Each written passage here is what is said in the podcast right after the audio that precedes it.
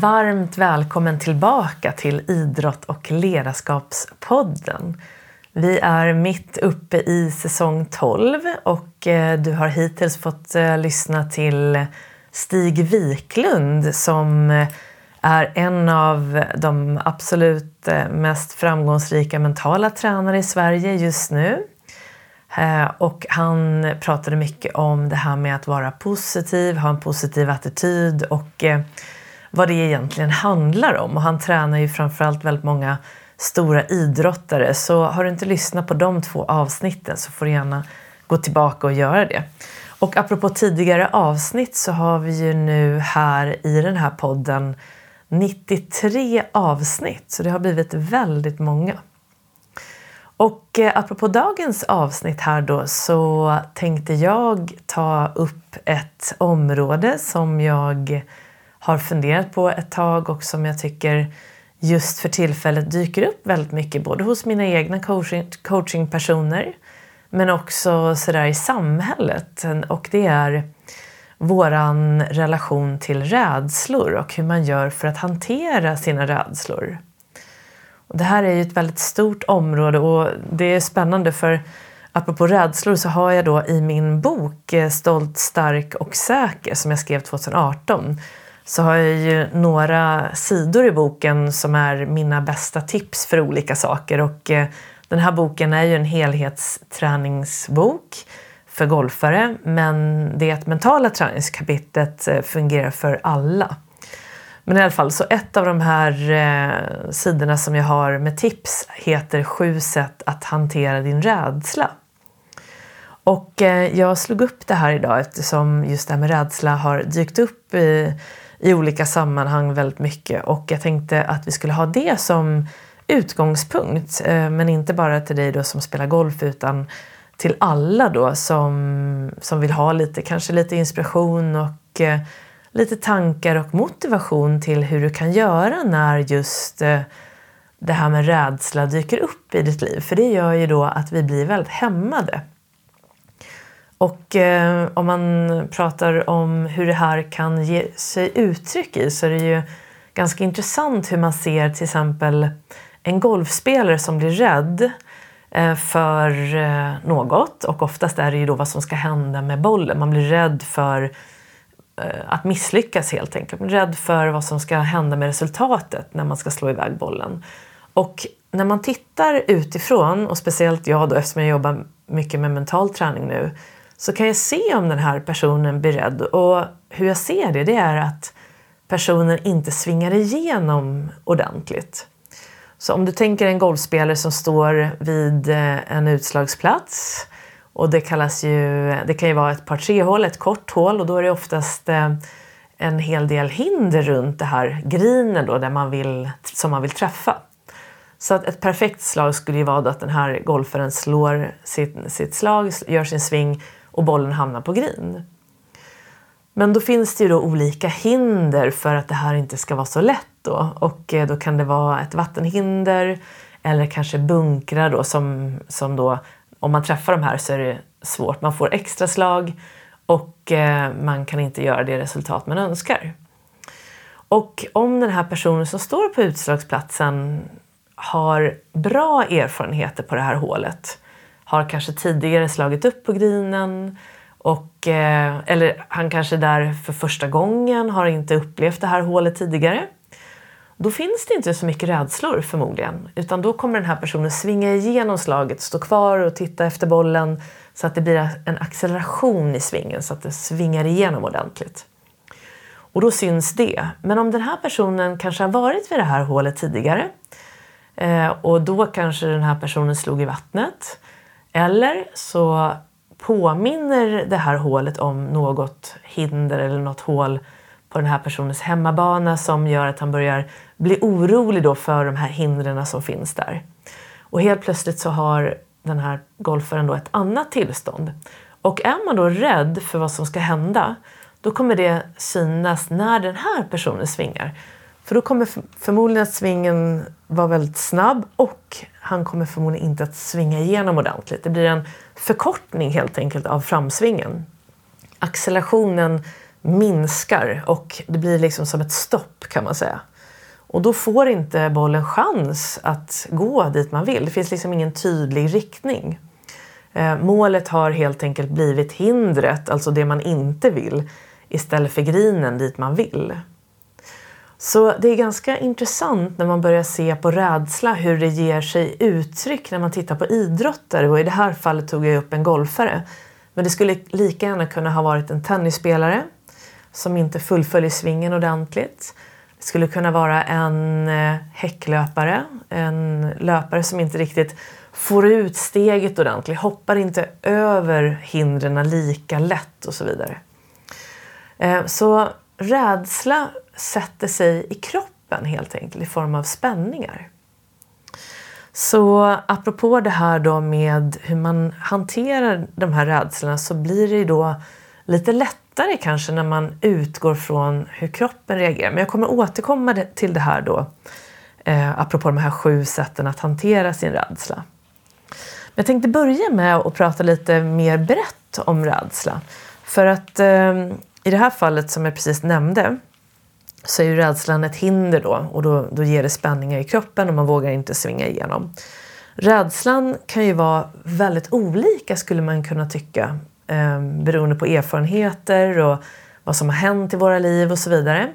Eh, men det finns några sådana här universella rädslor som gäller för alla människor. Och när man söker på det här på nätet och det är där man söker information nu för tiden, då får man titta på säkra källor.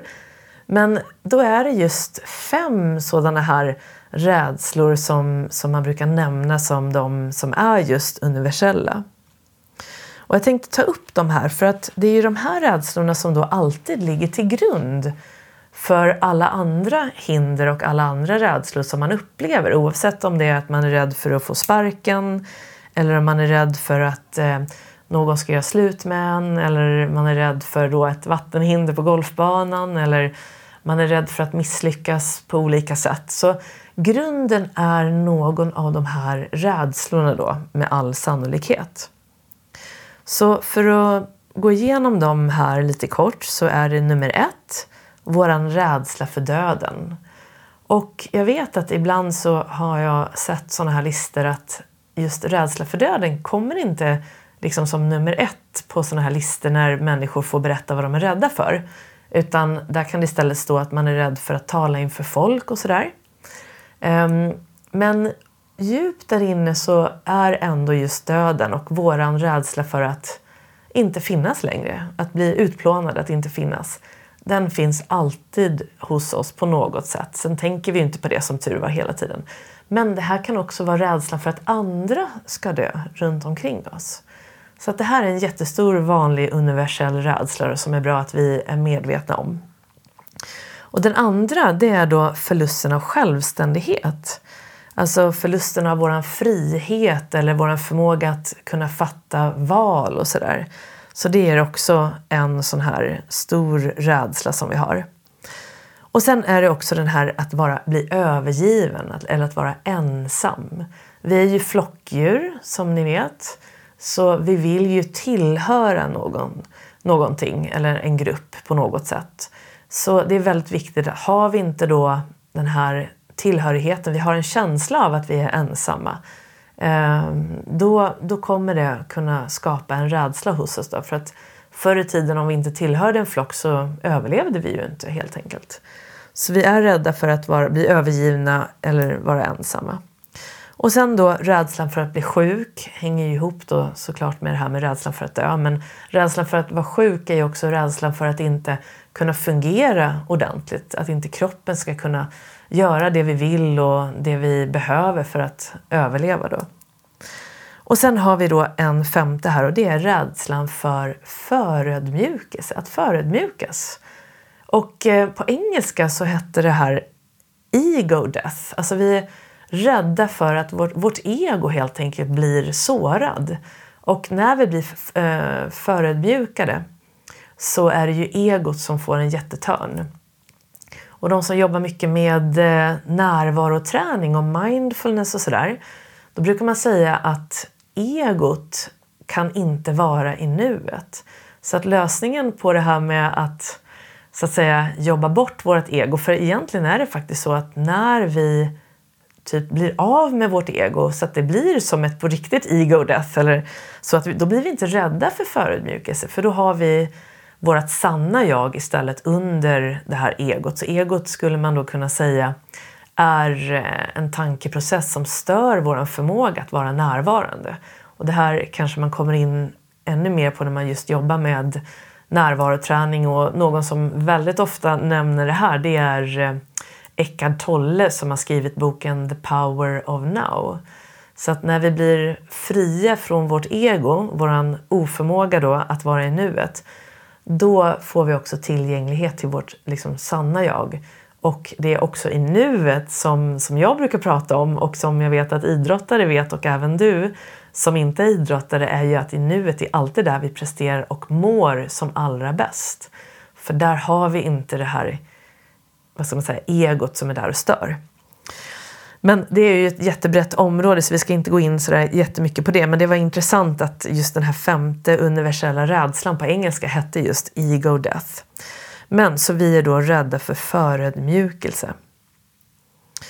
Så om vi nu vill liksom kunna leva ett liv med den här känslan av att inte vara rädda då kom jag att tänka på ett, en mening som jag också tog upp i ett av mina inlägg på Instagram senast. Och eh, det är en mening som jag läste hos mitt produktionsbolag, de som producerar den här podden. Eller de producerar den inte, utan de redigerar den. Så jag spelar in hos dem, eller om jag är själv så spelar jag in hemma. Men de redigerar sen så att ljudet ska bli bra. Men där står det, i deras badrum faktiskt, så står det en stor skylt där det står vad skulle du göra om du inte var rädd? Så att försöka ta hand om sina rädslor och möta dem, det är en stor, stor lättnad eller en frihetskänsla och ett väldigt härligt sätt att leva, om vi kan leva utan rädsla. Men för att leva utan rädsla och för att eh, då kan det vara bra att veta hur vi ska hantera den. Så därför så tänkte jag då som sagt ägna det här avsnittet till att gå igenom de här faktiskt sju olika sätten som jag har då tyckt har varit de väldigt bra sätt att börja den här resan. Och sen hoppas jag att du förstår att det här ändå är en resa, att det behövs tålamod och ibland behöver man också hjälp utifrån. Om dina rädslor nu är väldigt djupa och skapar en tillvaro som inte du riktigt kan hantera i din vardag, då behöver vi ju alltid söka oss hjälp och då kan man börja med att vända sig till sin vårdcentral. För där kan de då skicka på remiss att man kanske behöver träffa en psykolog eller någon som kan bena ut det här lite bättre. Men, så att jag vill bara poängtera det att rädsla på det sätt som jag pratar om är när du, när du fortfarande kan hantera den så att säga. Men sen behöver man ibland få djupare hjälp och då är det jätteviktigt att vi tar tag i det och ser till så att vi får hjälp. Så apropå det här med rädslor då och eh, vår förmåga att hantera det så tänkte jag också nämna det, hur man, att ibland blir det så stort det här när man säger att man är rädd för något. För att um, det är ju ett väldigt viktigt system som vi har i kroppen och att bli vän med det här är kanske det allra viktigaste. För när vi känner rädsla så kan det ibland bli så att vi blir liksom rädda för rädslan, så att säga. Och då var det ju så att Franklin Roosevelt sa ju så här väldigt klokt då att the only thing we have to fear is fear itself. Så när man, när man liksom hör sådana saker och när man tänker på rädsla så kan det skapa väldigt mycket stress. Man vill ju inte ha den här rädslan, eller hur?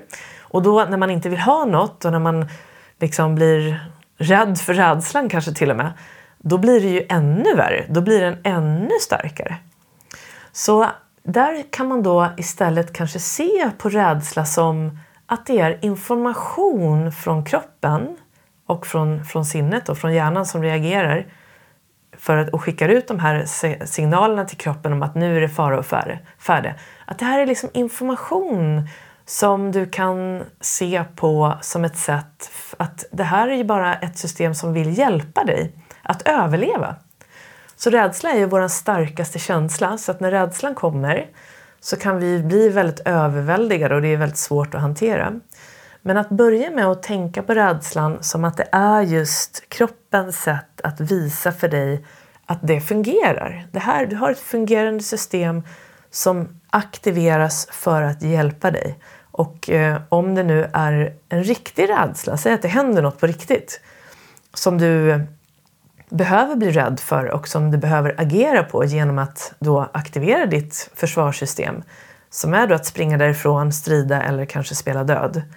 Um, de tre försvaren som vi har är ju väldigt, väldigt viktiga. Och det är ju det som då hjärnan och kroppen vill hjälpa dig med. Att se till så att du helt enkelt eh, springer därifrån, strider eller spelar död.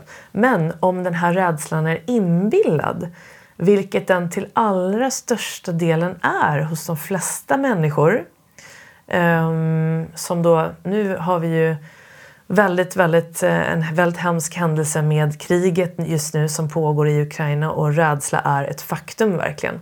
Ehm, men vi då som inte befinner oss i kriget, vi kan ju istället försöka använda den här kraften som man kan få till att agera. Och det är det jag menar med just det här att lära sig hantera sin rädsla så att du ser vad som är riktigt och vad som är inbillat för att istället sen kunna rikta all den här energin som faktiskt kommer av att du börjar aktivera ditt rädslosystem eller stresssystemet. Att använda allt det där till att gå till att agera på sådant som du kan påverka. Så det är en jätte, jätteviktig del i vår förmåga att också känna att vi gör någonting åt rädsla. Att sitta hemma och vara rädd, det är ju liksom fruktansvärt jobbigt och eh, det kommer du må, vi, vi alla mår väldigt, väldigt dåligt av det. Men att lära oss hantera den för att istället kanalisera all den här energin till det vi kan påverka istället. Det gör att vi mår bättre och vi kommer framförallt fungera bättre och vi kommer kanske till och med kunna göra skillnad på ett sätt som vi aldrig trodde att vi kunde. Men så resan då dit för att kunna hantera det här. Jag tänker kanske att vi börjar med att ta upp nu när jag pratar om det här att man kanske sitter och blir orolig för någonting. Ehm, då har jag ju den här månaden i min kalender som jag gjorde i år med ett fokus varje månad. Så tog jag upp den här månaden förmågan att släppa taget. Ehm, och den är ju väldigt användbar nu om det nu är så att du är orolig för något och eh, känner att du har fastnat i det. Och då kan du använda den här modellen som heter SOAS. Och sen kommer en parentes med ett nytt A därefter. Så kom ihåg att det här är en träningssak men att för att kunna släppa taget så är det väldigt bra att gå igenom det här och att träna i en miljö där det är lugnt och där du inte känner någon stress. Det är väldigt bra. Så att all den här träningen som jag brukar prata om är jättebra att göra förebyggande. För när man väl är i det så är det lite svårare. Men det går också såklart att göra någonting åt det även då. Men så börja med då att träna på att använda den här modellen. Och då är det så, S står då för att du stannar upp. Och eftersom rädslosystemet då kanske har börjat aktiveras, du har signalerat någon form av fara, du är orolig för dig själv eller du är orolig för någon annan. Ehm, det kan vara så att du, det händer något på jobbet apropå de här andra rädslorna som finns som gör att du känner dig ensam eller kanske till och med förödmjukad. Oavsett vad det nu är som har triggat igång din rädsla nu då så stannar du upp. Okej? Okay? Stanna upp. Bara stanna upp. Nu är det något som händer. Okej? Okay? Oet, du observerar vad som händer. Du märker att kroppen börjar reagera. Du kanske känner tryck på bröstet. Kanske börjar få liksom, börjar svartna för ögonen eller du börjar andas snabbare. Hela systemet börjar liksom aktiveras. Okej, okay, du observerar. Sen kommer A och det är att du accepterar. Och jag vet, jag har nämnt den här förut, men det blir en bra påminnelse då. Acceptera precis allt du känner. Okej, okay, nu är jag superrädd. Och du kanske till och med börjar tänka, undrar vilken liksom rädsla det här är som triggas igång inom mig nu? Är det att jag är rädd för att dö? Är jag rädd för att någon annan ska dö? Är jag rädd för att bli förödmjukad? Är jag rädd för att bli ensam? Är jag rädd för att förlora min självständighet? Och så så bara liksom, du bara observerar. Och sen acceptera som sagt. Acceptera att du känner den här rädslan. Helt naturligt. Du är en av, hur många miljarder är vi nu på jorden? Sju va? Åtta till och med. Så många miljarder människor som delar de här rädslorna. Okej, okay, du accepterar det här. Sen kan du gå till nästa S som är släpptaget. Du släpper taget um, och där kan du då till exempel om du känner att det är lugnet som du behöver just nu, vilket är då motsatsen till stressen, att du aktiverar ditt lugnande system, då skulle du kunna börja andas genom vänster näsborre. Och det här vet man ju nu hjälper ditt parasympatiska nervsystem, det lugnande systemet, att aktiveras istället. Kan till och med göra det lite nu. Bara börja andas in och ut genom vänster näsborre.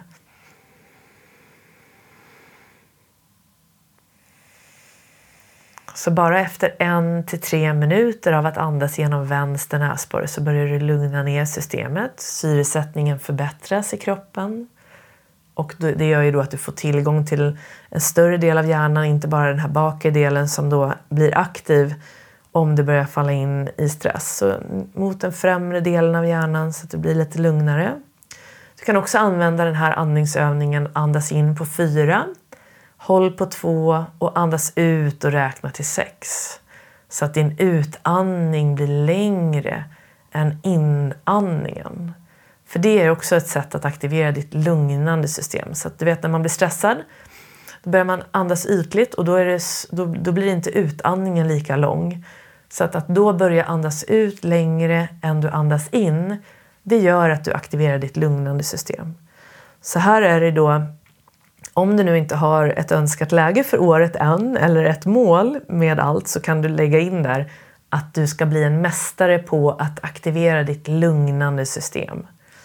Så det här är ett jätte, jättebra liksom, mål eller en bra, ett bra fokus att komma tillbaka till. För när du lär dig det, då blir det ringar på vattnet åt det här hållet som gör att du kan börja tänka klarare, gå till handling och även då eh, fokusera på det du kan påverka och släppa taget om det du inte kan påverka. Så stanna upp, observera, acceptera, släpp taget och sen nästa A, det sista A som är inom parentes, det är ju då egentligen från början så handlar det här om att du då bestämmer dig för att agera eh, om det långsiktigt får att må bra. Men ibland så, och för det mesta så räcker det då att stanna vid S, att du släpper taget. Så återgår du istället till det du håller på med nu och då skulle det där A istället kunna vara ditt ankare. Vad är det du gör just nu? Ditt ankare här och nu. Så om du sitter hemma och blir rädd för något eller du är liksom på jobbet, någon säger något som gör att du blir rädd för att bli sparkad eller du blir rädd för att förlora jobbet eller du blir rädd för något annat då. Bara kom tillbaka, stanna upp, observera, acceptera, släpp taget, kom tillbaka till det som är just nu. Så att du inte låter tankarna spinna på och börja inbilla dig saker som inte stämmer. Behöver du då agera så kan du ju fråga om det är någonting som du blir osäker på. Eh, då kanske du frågar så här, ursäkta nu känns det som att du vill sparka mig, stämmer det?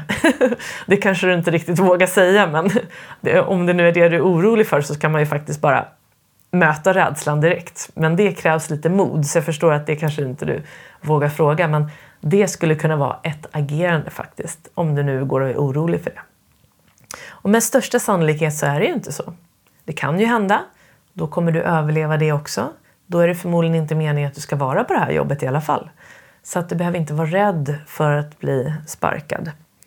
Men om du nu är det så kan du använda den här modellen och fråga, gå till handling ifall att det skulle vara så. Att du känner att du vill och att du långsiktigt tror att du mår bra av det. Så den modellen är ju fantastiskt bra. Det är lite mer som en quick fix du kan använda då för att hantera rädslan.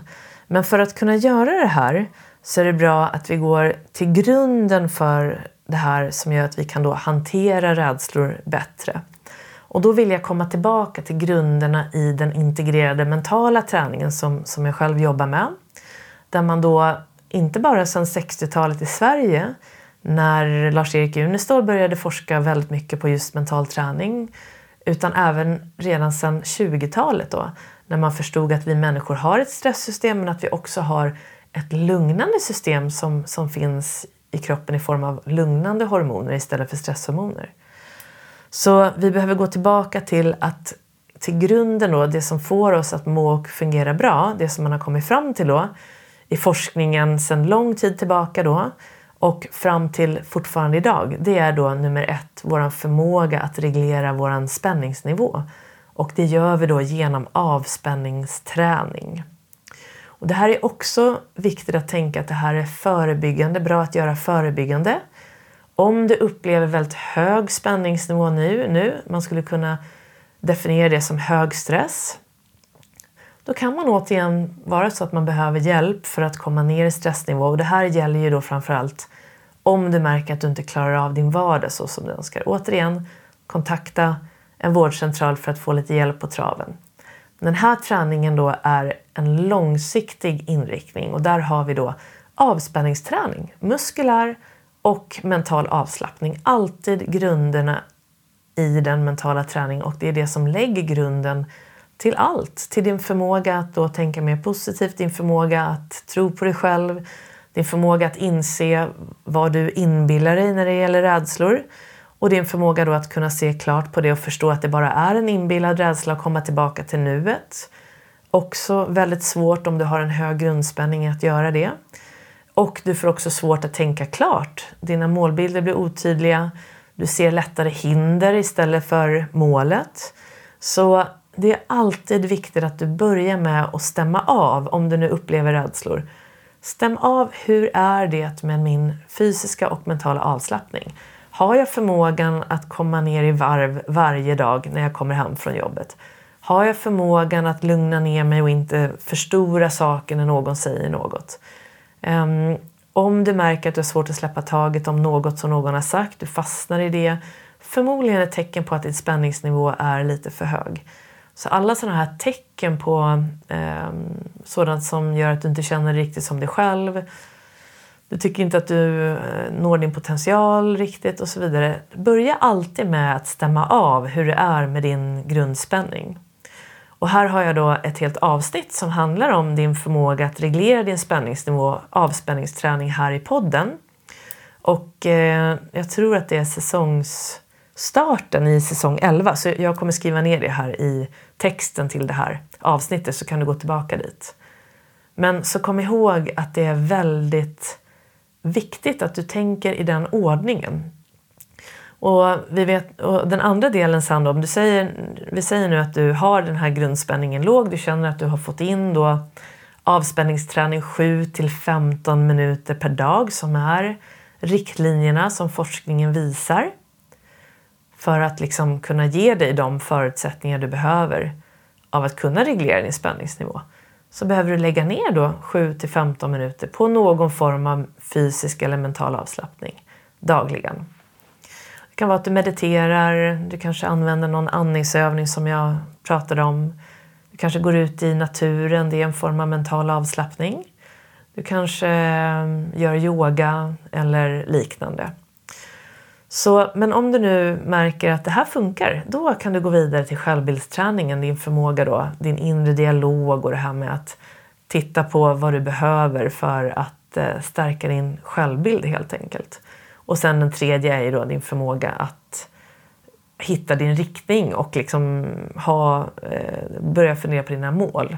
Och när man tränar med, i den integrerade mentala träningen så kommer då börjar man oftast med målen och varför du vill det här och vad är det du önskar mest av allt nu. Och så jobbar man med det parallellt för att sen komma tillbaka då till den här muskulära och eh, mentala avslappningen. Så jag vill bara nämna det för att jag har det apropå de här sju sätten att hantera din rädsla. Så är det nummer ett att jobba med din avspänning regelbundet är superviktigt då, och du förstår varför så att du kan hålla det här stresssystemet i liksom, man kan säga faktiskt att du har lite kontroll på det. Och att du vet också att ju mer du tränar och använder de här övningarna då som har med muskulär och fysisk avspänning att göra, desto bättre kommer de också att fungera. Så att när du tränar i en lugn miljö där du liksom inte är under press, det är ett sätt att förbereda dig för att kunna behålla lugnet också när pressen ökar i form av att någon triggar någon av dina rädslor. Eller något. Um, så bra. Men nu tänker jag att jag går igenom de här sju sätten då, att hantera din rädsla. Och för dig som har min bok Stolt, stark och säker så finns det här på sidan 174 och 175. Och det här gäller ju dig oavsett om du är golfare eller inte då såklart.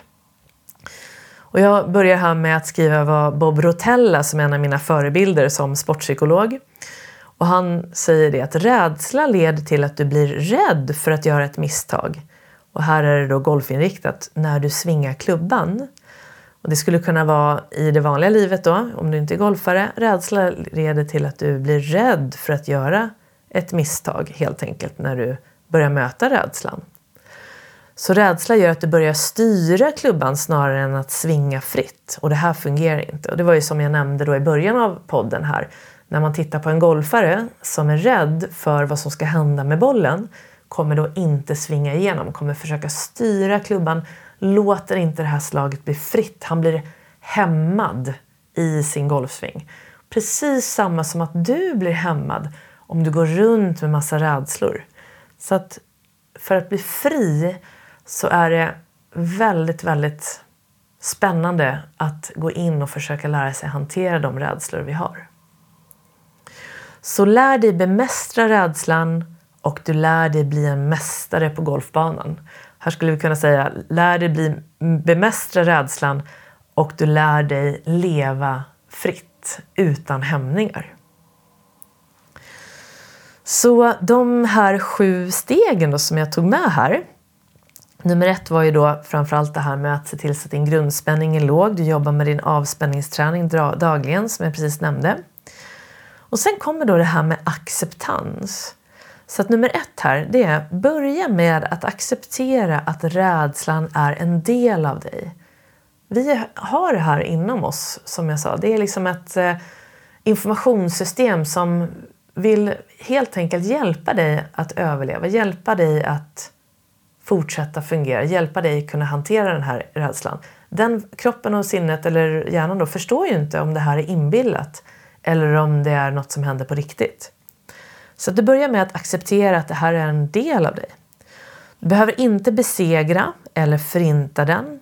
Bli vän med den istället och försök förstå den. Varför är du rädd egentligen? Oftast då så är det en oro inför framtiden, för vad som ska hända eller inte hända. Och när du identifierat din rädsla så är det bara att säga Hej, vad bra att jag ser dig. Nu kan jag hantera dig. Så om du följer de här stegen nu så kan du börja med det.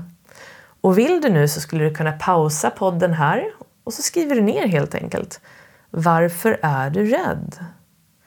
Och du kan sitta med den frågan lite som i ett meditativt tillstånd. Du liksom kan gå tillbaka till en situation där du kände att du var rädd senast. Vad var det som försiggick då inom dig? Vad var det du var rädd för? Vad var det för tankar som dök upp? Hur kändes det i kroppen? Vilken situation var det? Vad var det som gjorde att du var rädd? Varför är du rädd? Är det en oro för någonting i framtiden? Ett resultat som inte blir som du önskar? Eller är det för någonting som, som du inte ska hända? Du kanske är orolig för att inte leva upp till andras förväntningar. Du kan ju vara rädd, som sagt det här som jag var inne på förut, att bli sparkad Det är så vanligt. Varför är du rädd? Vad händer om du förlorar jobbet egentligen? Vad är det värsta som kan hända? Så här brukar jag tänka på den här meningen. Hope for the best, prepare for the worst. Så att vad skulle hända nu om du blev sparkad? Vad är det som du är rädd för? Vad händer om du blir sparkad? Och så skriver du ner då, vad är det, varför är du rädd? Och sen så går du vidare och då kan du då skriva ner och fortsätta med det här. Jag nämnde ju precis att du kan gå tillbaka till en situation. Och då nummer två här då, att du skriver ner de situationer som du känner en rädsla inför. Om det är på golfbanan så kanske det är något hinder, något hål. Om det är eh, i verkligheten, eller i verkligheten, om det är utanför golfbanan så kanske det är när du ska prata inför folk. Det kanske är när du ska, eh, som sagt, träffa din chef, ett utvecklingssamtal. Det kanske är du ska träffa några vänner i ett visst sammanhang. Det kanske är eh, det här, en situation där du känner att du inte har pengar tillräckligt och så vidare. Så då skriver du ner de, de rädslorna. Och sen så fortsätter du då att skriva ner vad är det som händer egentligen. Så du går in lite djupare i det här med apropå att gå från kroppen för att lära dig hantera rädslan. Så hur känns det i kroppen när du är i de här situationerna som du är rädd för? Börjar du andas snabbare? Börjar du få orostankar? Du börjar få svårt att fokusera kanske? Um, hur andas du som sagt? Kanske hur ditt beteende blir. Börjar du prata snabbare? Börjar du göra saker snabbare?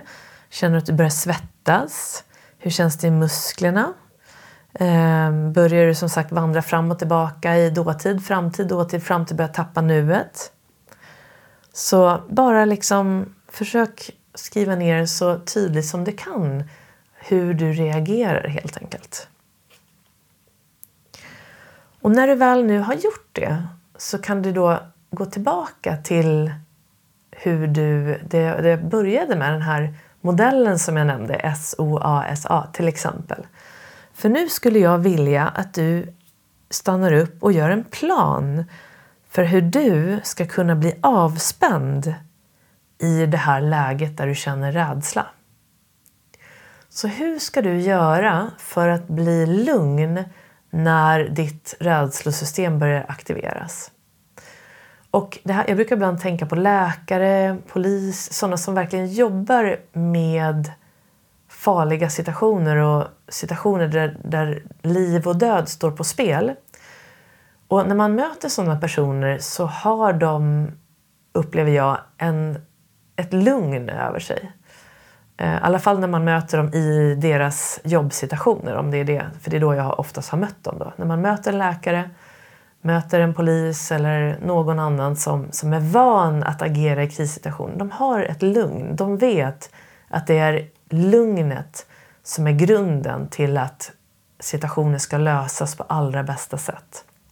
Så att, att utgå från det. Så att jag vill att du hittar en plan nu för vad du kan göra för att bli lugn när du märker att rädslan kommer på besök. Vilket ett tecken är då att ditt, ditt system börjar reagera på det här. Den tror att den behöver skydda dig. Och ett tips här då är ju återigen, du går tillbaka till det här eh, poddavsnittet eh, som jag har om avspänningsträning. Det finns en långsiktig träning och det finns sådana quick fix du kan göra under dagen och att du tränar på det här när du inte är under press. Så till exempel den långsiktiga träningen det är det här att lägga in då 7 15 minuter per dag på någon form av muskulär eller mental avslappning. Och jag jobbar ju med ljudfiler. Det finns muskulär avspänningsträning och mental avslappning. Jag har kroppsscanning, det är en form av mental avslappning. Och långa djupa andetag och de är guidade filer så om du vill ta del av dem så kan du mejla mig, info jennyhagman.com. De finns också information om det här på min hemsida då, under produkter. De kostar inte alls mycket utan du bara liksom tar del av dem och då har du någonting. Och annars kanske det är att du gör yoga, ehm, du är ute i naturen och så vidare. Alla har vi vårat sätt. Men försök lägga in en långsiktig träning och när det gäller sen planen vad du ska göra i de här specifika situationerna så kan det vara att du kanske vill använda den här modellen, SOAS, och sen komma tillbaka till nuet. Du kanske använder någon andningsövning och så vidare. Så lägg upp en plan. Hur ska du göra nästa gång när du upplever rädsla? Du gör en plan för hur du ska göra för att bli lugn helt enkelt. Så Precis, så om det är på golfbanan eller när tänk, om man tänker apropå det här med att eh, hitta lugnet så kanske du vet att du ska ha en, du kanske ska tävla eller du kanske ska ha en, ett viktigt eh, möte på jobbet. Att ha rutiner då, det är också ett väldigt bra tips. Någonting som startar dagen och någonting som avslutar dagen när det gäller liksom hela dagen. Någonting som startar svingen, någonting som avslutar svingen om du är på golfbanan. Och det gäller även alla idrotter, att man har en tydlig rutin som du upprepar. Det är ju ett sätt att kunna komma in i lugn och det ger trygghet. Så att det här som du gör nu, att du ska skapa en plan för vad du ska göra om du känner, upplever rädsla. Det är ju en form av eh, planering och eh, till slut så blir det ju här också som en rutin då. Så att eh, det här är jättebra att du tänker på på det sättet. Och sen då nummer fem här, det är stärk din självbild. Och i den integrerade mentala träningen så är självbildsträning eh, den andra delen. Först muskulär mental avslappning, sen kan man börja jobba med självbildsträning för annars är det lite som att man börjar i fel ände. Har du massa stress i kroppen så kommer du automatiskt börja tänka mer negativt om dig själv och om andra. Så börja alltid med lugnet först och sen kan du då börja med att stärka din självbild för att börja träna på att du, du börjar hitta en stärkande dialog där du använder ord som stärker dig, stärker din tro på dig själv. Acceptera dig själv för den du är så att du kan ha den här självtilliten, att du gör ditt bästa. Du vet att du duger precis som du är och allt det här blir lättare när du är lugnare. Det är också bra tankar det här med att hela tiden jobba återigen med acceptansen. Det är okej okay att vara rädd. Det här är ju någonting som du har inbyggt. Det är fantastiskt att du har det. Du är vän med det här. Det är okej att vara rädd. Det är okej att vara spänd också. Det är bara du som vill göra ditt allra bästa. Det är därför man oftast blir spänd. Man vill göra sitt bästa, man vill ju inte misslyckas. Men bara acceptera det, titta på det. Jag är rädd för att misslyckas. Det är helt okej. Det är helt naturligt. Alla andra har ju samma rädslor, eller hur? Och eh, det här med självbildsträning då, om du vill gå lite djupare i den, så har jag också en podd med just inriktning självbildsträning. Och det är då avsnitt 53 om jag inte minns helt fel. Så då går du tillbaka dit. Och i min bok så finns också nio övningar för hur du helt enkelt gör för att stärka din självbild. Och återigen, det här är också någonting som vi faktiskt alla ofta behöver träna på för att vi har alla de här programmeringarna inom oss och det är inte så lätt att gå runt och liksom tänka stärkande tankar och när det händer jobbiga saker och vi blir utmanade på olika sätt. Det är jättesvårt. Och om vi inte tränar på det här så har vi nästan ingen chans ibland att, liksom ha, att kunna hantera det. Så även om det låter tråkigt med att vi behöver träna på allt så till slut så kommer det inte kännas som träning för du kommer ju må väldigt bra av det här. Du hittar en acceptans till att du är som du är, du förstår dina programmeringar men du väljer också att ta ansvar för att om det inte är riktiga rädslor som är på riktigt utan att de är inbillade så vet du hur du ska göra istället. Du ska vända den där inre dialogen till att vara lite mer optimistisk, stärkande, sådant som ger dig energi istället för att du går runt med negativa tankar som tar energi. Så självbildsträning är superbra att du lägger ner tid efter att du känner att den här muskulära och mentala avslappningen har infunnit sig i kroppen. Då. Och sen nummer sex, att prata med andra om det du är rädd för. Det finns ju också en klok person som, som har sagt det här att rädslan är ett fängelse. Modet är vägen därifrån. Och jag läste det nog för min egen del första gången i Anneli Pompes bok eh, eh, Otroligt högt och extremt djupt, tror jag det heter. Och eh, där just att liksom när du säger din rädsla högt, speciellt för någon annan, du synliggör den. Det är ett sätt att närma dig den. Och du bygger ju då ditt mod då genom att berätta om dina rädslor. Och det här kan ju vara skönt att prata med någon som du, någon vän, men ibland att också säga det kanske högt på jobbet. Utmana ditt mod i att säga vad du känner att du är rädd för. Det kan hända att ni har ett möte Chefen säger något, någon säger något och så upplever du liksom kanske något som att det där kommer ju aldrig gå eller det där, nu är jag rädd för att inte prestera utefter vad de tycker att jag ska eller vad det här kommer innebära. Tänk om du skulle räcka upp handen och säga Jag hör vad ni säger, jag tycker det låter jättebra men jag är verkligen, kommer vi verkligen att kunna lyckas med det här? Jag har de här funderingarna. Så vågar du säga det. Då har du liksom utmanat ditt mod, du har frontat din rädsla.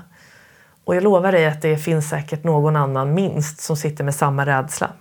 Så då börjar du helt plötsligt kanske höja taket i er kultur på ditt jobb genom att du börjar öppna upp för vad du är rädd för. Det är ju en styrka att visa sig sårbar. Att visa sig sårbar, sån styrka som alla, som gör att många andra kanske drar en lättnadssuck och som gör att ni faktiskt på riktigt börjar närma er en framgångsrik, eh, att, att nå de här målen som ni har. För att ni inte har någon rädsla som är i vägen. Rädsla hämmar ju inte bara dig, det hämmar ju företag och, och alla där ute. Så där kan du föregå med gott exempel då. Och sen nummer sju, se då din, alltså livet som en träningsarena. Eller varje gång du möter situationer som du upplever rädsla för, att du ser det som en möjlighet att träna på att hantera din rädsla. När du kommer tillbaka till alla de här hindren som du har upplevt så betrakta dem helt enkelt som en träning för att se om det du tränat på fungerar. Och gör inte det så betyder det bara att du behöver träna lite mer och försöka igen. Misstag är lärande och därför finns inga misstag. Ge alltså inte upp. Du kommer att bemästra din rädsla till slut. Så frågan är inte om utan när. Så att det här med att vi reser oss åtta gånger, vi faller sju gånger, reser oss alltid den där åttonde gången. Det är ju det när vi möter misslyckanden, vi upplever det som misslyckanden. Men när du ser det i backspegeln så kommer det alltid finnas någon lärdom där. Det är bara en, liksom hur vi, eh, att det är väldigt svårt när man är mitt i det. Då känns det alltid jättejobbigt. Men jag lovar dig att det finns någonting där som är ett lärande. If life gives you lemons Make Lemonade, eller hur? Och eh, har du svårt för att göra det, kom tillbaka då till grunden. Muskulär mental avslappning, din förmåga att hitta lugnet först och sen nästa steg, självbilden. Och sen den tredje delen då, det är ju då att se Rädslan gör ju att man fokuserar oftast på det man inte vill, eller hur? Man är rädd för att se på det som inte det som man inte vill ska hända eller det man, man är orolig för ska hända. Så där är det ju jättebra om du då börjar rikta ditt fokus till det som du vill ska hända. Och i den mentala träningen så jobbar man ju här med att man till och med börjar skapa bilder kring hur det ser ut när du är en person som hanterar den här rädslan. Hur är du när du är lugn i de här situationerna? Vad ser du framför dig då? Hur är det när du är en person som accepterar dig själv med alla de här rädslorna och med den här tilliten till att du gör ditt bästa, vad ser du framför dig då? Um, är du på golfbanan och börjar se hindren framför dig, rädslan börjar öppna. Och om du då i början, innan du går ut på golfbanan, kanske har börjat se det där hålet för vad du vill göra. Du vill träffa grinen, du ser hur du gör din rutin, du ser hur du andas för att kunna slappna av. Du ser hur du tittar på grinen och den är grön.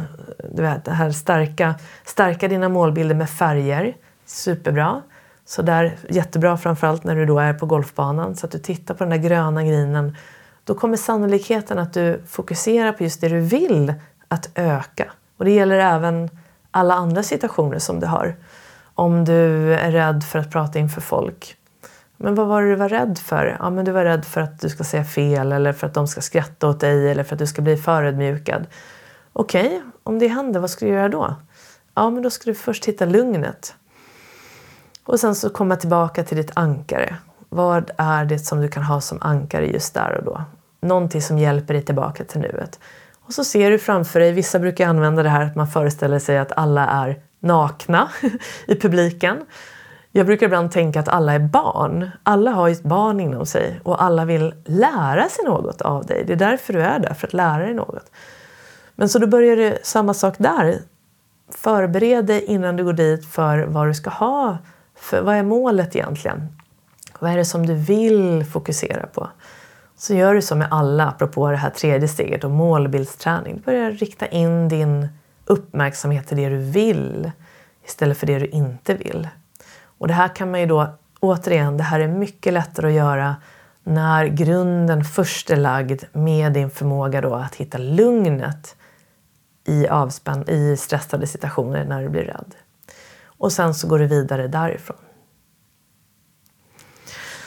Så jag hoppas att det här kanske var lite till hjälp för dig hur du kan börja möta dina rädslor som du upplever hämmar dig i din vardag. Och det kan vara som sagt små, små rädslor till stora rädslor. Och kom, var inte rädd för att be om hjälp om du märker att de här rädslorna stör dig i din vardag. För då är det jätteviktigt att du kontaktar en vårdcentral för att få hjälp med det. För då kan du få en väldigt, väldigt bra hjälp där som sagt. Men det här är ju då en långsiktig träning som kommer att hjälpa dig att kunna hantera dina rädslor. Och speciellt om det är väldigt tydliga situationer så som vi har tagit upp idag. Så börja skriva ner, gå gärna tillbaka i det här avsnittet och pausa, kanske mellan varje steg som jag gick igenom. Har du boken så kan du gå tillbaka dit och läsa. Och eh, sen har du då de här andra poddavsnitten för att få lite mer inspiration då till eh, vad du kan göra med din avspänning, för din avspänningsträning, för din självbildsträning och även målbildsträning då finns i avsnitt 54. Då. Så med det sagt så vill jag önska dig en fortsatt trevlig dag eller kväll. Hoppas att du fortsätter vara med mig här i säsong 12 imorgon, vilket blir idag när den här podden kommer ut, en fredag så ska jag träffa Sofie Odelberg som är fotograf. Hon kommer tillbaka till podden eh, för andra gången, så hon var här i andra säsongen. Så det ska bli spännande att prata med henne. Så det avsnittet får du lyssna på nästa vecka. Men nu, som sagt, ta hand om dig och gå gärna in och följ mig på Instagram om du inte redan gör det. Snabela Jenny Hagman. Och eh, du kan också följa min hemsida då, jennyhagman.com om du behöver, eh, om du vill se vad som är på gång. Och sen har du då också mitt träningscenter online, www.trainforbalance.com där det numera också finns en onlinekurs i mental träning för golfare. Och där går jag igenom de här grunderna i mental träning och där finns det också lite yogapass som du kan göra som är för golfare. Så den får du gärna checka in. Och sen då som sagt så hoppas jag att vi ses här i podden alldeles snart igen. Så tills dess, ta hand om dig och eh, så ses vi. Hejdå!